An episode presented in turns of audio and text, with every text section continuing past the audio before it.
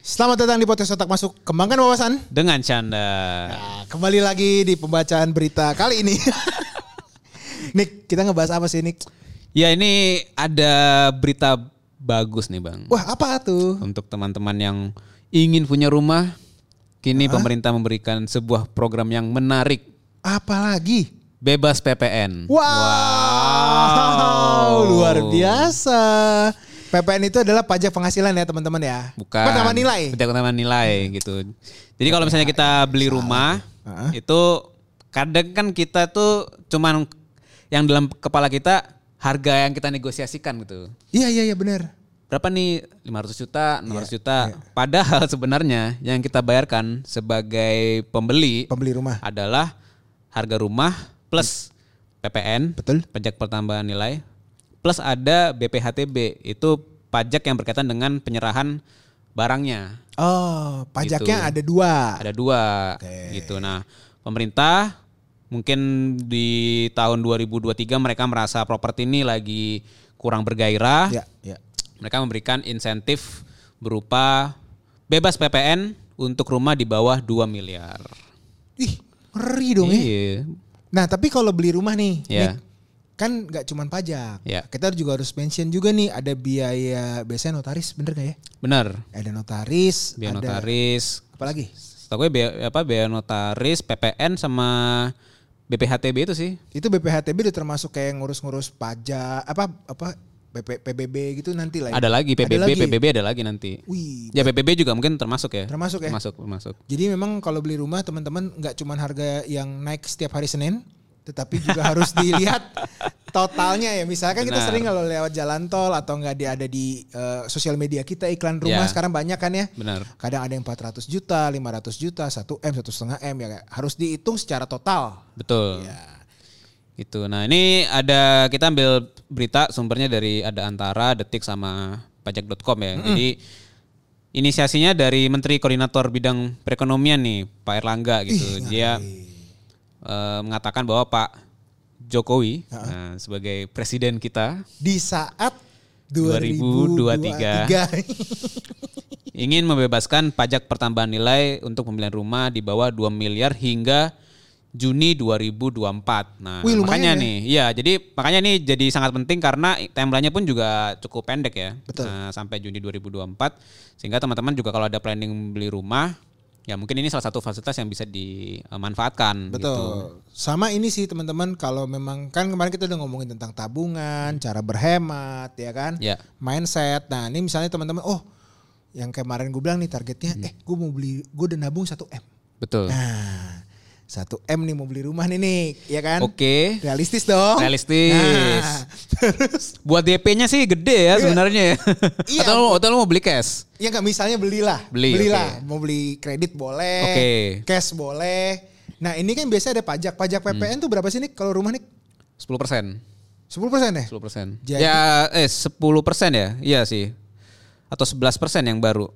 11, 11% sekarang, ya, 11. 10%. Jadi misalnya kita langsung simulasi aja nih biar teman-teman nanti juga bisa apa eh, kegambar ya. Ya. Misalnya harga rumahnya kan yang bebas PPN di bawah 2 M. Betul. 1 M termasuk. 1 M. Nah, 1 M pajaknya berapa kalau dikali 11 persen? 110 juta. Wih lumayan ya. Gede bang. Itu juga mungkin Anjir harga bonus Ah, mobil gua. bonus setahun juga mungkin nggak nyampe segitu kali ya. Eh, kalau teman-teman kita sih nyampe nih. Karena kita udah keluar aja. Iya iya iya. iya. Nyampe lah buat mereka beberapa orang mah nyampe. Jadi pajaknya ini yang 110 juta tadi kalau se- equal 11% ya, Ya. itu digratiskan. Digratiskan 100% sampai Juni 2024. Nah, tep- tapi sebenarnya pemerintah tuh tidak menyelesaikan programnya di Juni 2024. Jadi setelah Juni 2024 ya sampai ke akhir tahun itu tetap ada fasilitas tapi bukan 100% penghapusan, tapi 50%. Oh, Gitu. jadi di diskon 50. Ya, jadi kalau misalnya kita beli rumah sampai Juni 2024, tadi 110 juta free, Free, nggak usah bayar. oke. Nah, tapi kalau nanti setelah Juni, berarti Juli sampai Desember itu bayar berarti 55 juta. Dari yang seharusnya 110 juta gitu. Lu bayar setengahnya. Oke, oke, oke. Nah, tapi ini untuk rumah-rumah yang eh, 500 juta, 200 juta juga termasuk dong. Termasuk. Nah, ada lagi mungkin yang berbeda adalah kalau kita beli rumahnya tuh rumah subsidi. Hmm, gitu. dibahas. yang ini dibahas.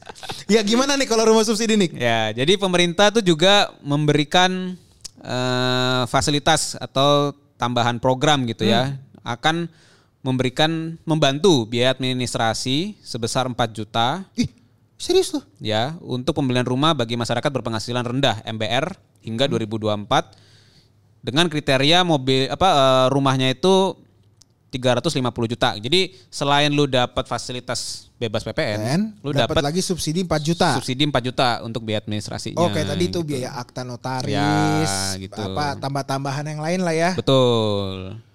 Jadi Oke. diharapkan dua insentif ini itu bisa mendorong Ya, pertumbuhan sektor perumahan yang sempat mengalami kontraksi di tahun lalu ya hingga Hmm. 0,67 persen. Jadi memang jadi concern sih gitu. Ya karena kan mungkin tahun lalu itu kan juga kita baru bangkit dari pandemi ya. Betul. Nah, jadi memang memang sektor properti ada konstruksi eh, kos- konstruksi. Konstruksi, kontraksi apa nih? Kontraksi tadi ya, kontraksi. Kontraksi, itu kalau di otak gue tuh ya buat ibu-ibu hamil ya. Iya dong. Tapi ini kan berarti kan ada ada pergerakan yang tidak menguntungkan lah. Iya, iya, iya. Ya kan? Makanya kalau eh, dengan stimulus bahasa bagus ini. Betul. Stimulus yang diberikan pemerintah kita untuk bebas PPN, terus rumah subsidi ditambah lagi 4 juta, Betul. EBB-nya ya berharap eh, rakyat kita bisa membeli rumah baik itu Ya. subsidi ataupun non subsidi.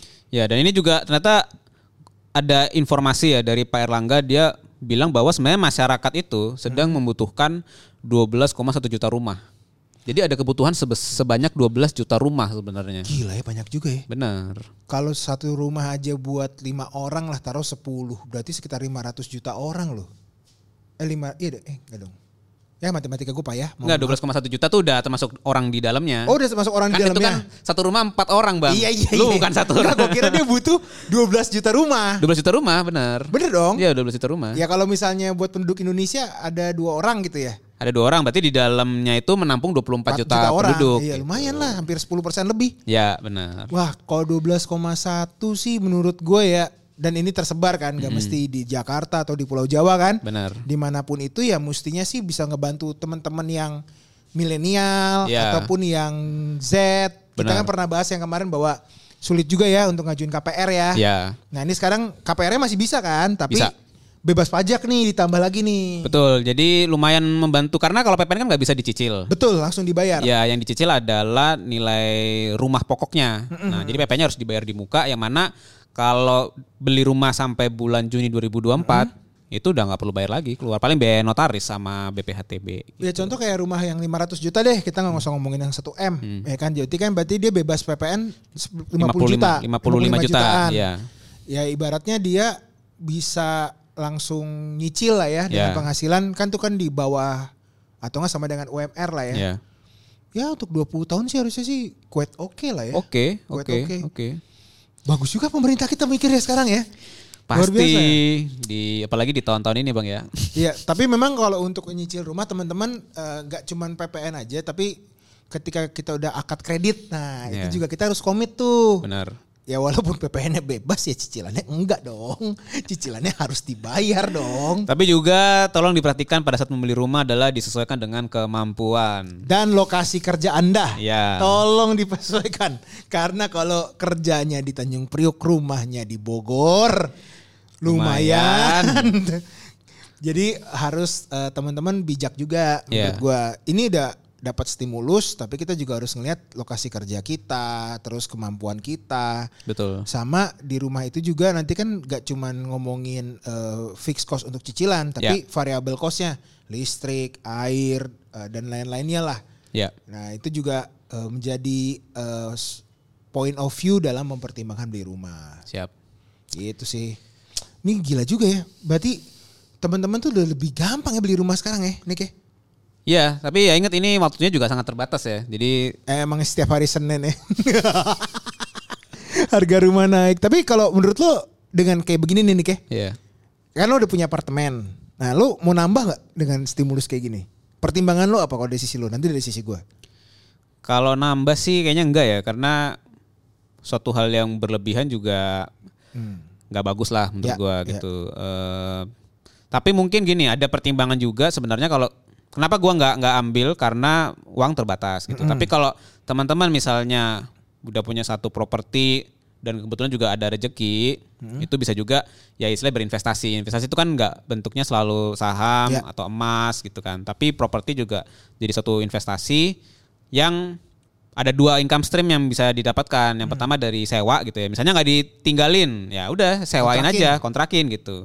Sama nanti mungkin 10 15 tahun lagi ketika misalnya butuh dana untuk major gitu ya, misalnya emergency atau buat sekolah kuliah anak, itu rumahnya bisa, dijual dan harganya kecenderungannya selalu naik setiap tahun Ya. gitu. Dan yang kalau dari gua, kenapa gua sih mau kalau Hmm. gue ya dengan tabungan yang udah mulai siap nih.